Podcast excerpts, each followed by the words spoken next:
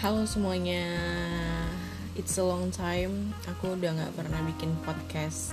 Emang nggak pernah sih hitungannya, karena pertama kali aku bikin, per, karena aku pernah bikin waktu pertama kali aku bikin podcast for the first time untuk perdana waktu pertama kali menggunakan podcast ini. Nah jadi, aduh aku kangen banget sih udah lama nggak berceloteh seperti ini karena aku disibukkan oleh bisa dibilang suatu hal tapi dan tapi itu menimbulkan beberapa hal yang bikin aku nggak nyaman gitu loh. Jadi uh, ya mudah-mudahan hal ini akan segera ber, berakhir. Um, maksud aku lebih ke yang lebih cepat selesai.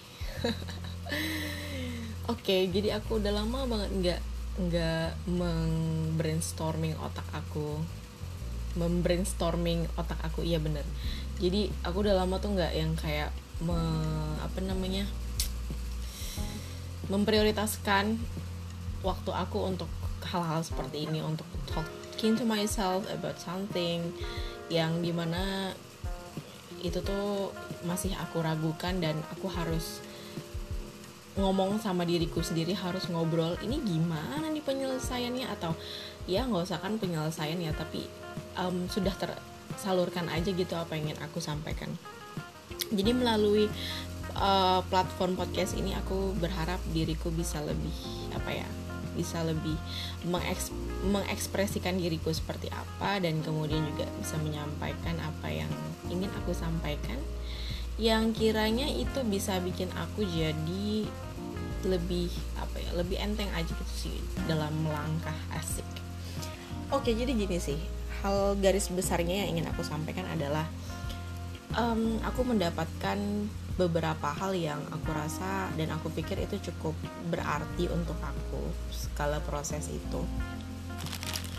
Dan ditambah juga dengan insight dari teman-teman di lingkungan aku sendiri. Jadi yang aku highlight di sini adalah tentang pengendalian diri gitu loh jadi beberapa waktu lalu ya sampai hari ini sih sebenarnya beberapa belakangan hari ini aku dihadapkan dengan suatu um, kejadian yang menurut aku sih nggak mengenakan sih. Nggak enak karena aku sebelumnya tidak pernah menghadapi situasi ini dan belum terbiasa. Jadi ya aku merasa um, it's not okay for me for the first time.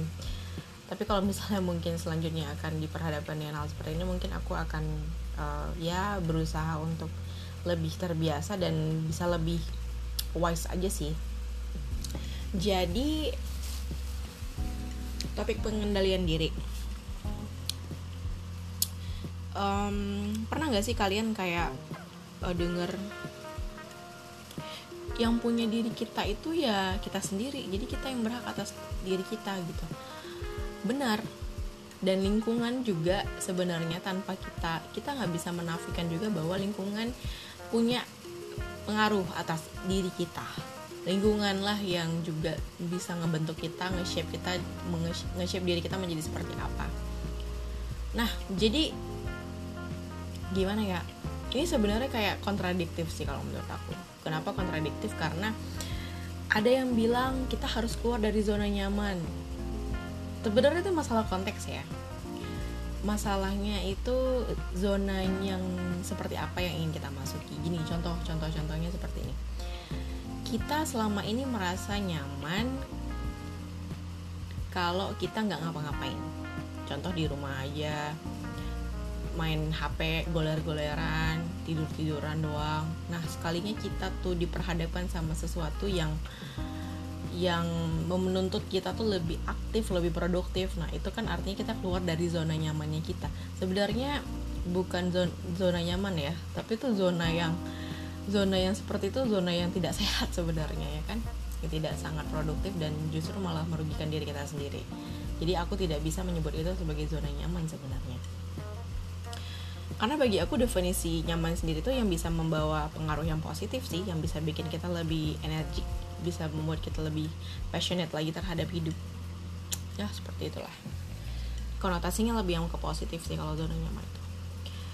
Kita harus bisa keluar dari zona nyaman yang kita gitu-gitu kan. Pernah dengar gak sih yang kayak gitu? Nah pokoknya nih ya harus digaris bawahi harus di underline bahwa uh, zona nyaman itu konotasinya ya di versi aku itu positif. Gitu. Jadi zona nyaman itu yang bisa membuat diri kita lebih berkembang sih sebenarnya. Kemudian apa ya? Terus ada lagi yang bilang kalau kalau misalnya lu di lingkungan itu merasa nggak cocok merasa nggak cocok atau merasa nggak nyaman lu tinggalin aja gitu. Sedangkan kita dituntut untuk berada keluar dari zona nyaman. Nah itu kan satu hal yang kontradiktif ya. Nah kita masih bisa mengelaborate itu satu persatu menjadikan itu sebagai suatu hal yang ber yang sistematis dan ada konteksnya. Ngerti kan? Maksudnya gitu kapan kita bisa bilang kalau kita tuh harus keluar dari zona nyaman dan kapan juga kita harus kita bisa bilang kita harus uh, keluar dari situasi yang membuat kita tidak nyaman. Ngerti kan? Nah situasi yang yang tidak nyaman itu contohnya seperti ini sih. Seperti yang aku bilang tadi uh, nyaman itu aku konotasikan dengan hal yang positif. Jadi contohnya gini kalian itu kita itu berada di kondisi yang contohnya dipenuhi dengan orang-orang yang sukanya menjilat dipenuhi dengan orang-orang yang sukanya ngomongin orang dari belakang yang dipenuhi dengan orang-orang yang saling sikut-sikutan ya tidak mau bersaing secara sehat dan menghalalkan segala cara untuk mencapai apa yang dia inginkan. Itu kan namanya lingkungan yang tidak baik gitu loh. Dan kita harus keluar dari zona kita harus keluar dari zona yang tidak nyaman itu. Begitu kan. Soalnya itu karena kita setuju bahwa lingkungan itu bisa mempengaruhi di mempengaruhi pribadi kita kita mau jadi A, kita mau jadi B, kita mau jadi C, itu bisa dipengaruhi oleh lingkungan. Memang tidak tidak sepenuhnya lingkungan itu bisa mempengaruhi, tapi tidak bisa kita apa namanya tidak bisa kita pungkiri juga bahwa lingkungan juga bisa berkontribusi terhadap perubahan atau uh, terciptanya karakter atau kepribadian dalam diri kita gitu kan. Lingkungan positif dan negatif atau lingkungan baik atau buruk itu juga tergantung dan cenderung relatif sih kalau bisa dibilang jadi ya kalau misalnya saat ini aku merasa kayak aku tuh tidak tidak produktif sih. Tidak um, tidak berada di zona yang baik menurut aku. Karena uh, ini orang-orangnya benar-benar orang-orang yang wuh sangat tidak ini sih tidak tidak kompetitif apa ya? Sangat tidak fair sangat tidak sportif menurut aku sih begitu ya. Uh, jadi jadi menurut aku sih ya begitu. Dan aku merasa itu tidak adalah itu adalah membuat diri aku tuh nggak nyaman dengan hal itu. Jadi akibatnya apa? Akibatnya ya bikin diri aku tuh bikin aku tuh gusar bikin aku tuh marah-marah sendiri bikin aku tuh uh, jadi lebih emosian dan emosinya emosian itu kan artinya negatif ya. Emosian yang negatif lah pokoknya itu nah itu tuh yang bikin nggak enak sebenarnya. Ya aku sadar bahwa kita harus punya kendali atas diri kita sendiri. Dan termasuk aku aku juga harus punya power of myself gitu loh. Jadi ketika aku diperhadapkan dengan lingkungan atau situasi yang seperti itu harusnya aku tuh punya kendali atas diriku sendiri. Aku tuh harus gimana harus bersikap seperti apa dan bagaimana aku ber ber apa namanya menanggapi atau menyikapi hal-hal yang sedang aku hadapi itu gitu loh. Nah di situasi yang sedang aku alami saat ini sih sebenarnya itu sangat nggak mengenakan sih menurut aku. Pertama aku nggak pernah mengalami sebelumnya yang kedua memang aku akui ini lingkungannya sangat sangat sangat toksik kalau menurut aku soalnya karena bagiku pribadi ini nggak mendatangkan suatu hal yang membawa benefit buat aku gitu. Selain rasa lelah rasa capek dan cuma rasa kesal marah gitu doang. Jadi sangat full, of the negative things. Jadi aku merasa kayak aduh sial banget sih gue masuk ke lingkungan yang kayak begini.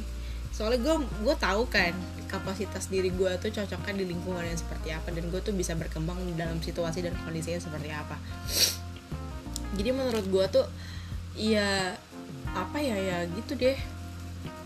Pokoknya aku harus dengan jadi agar aku bisa keluar dari zona ini dari situasi yang tidak nyaman ini aku harus segera menyelesaikannya gitu loh.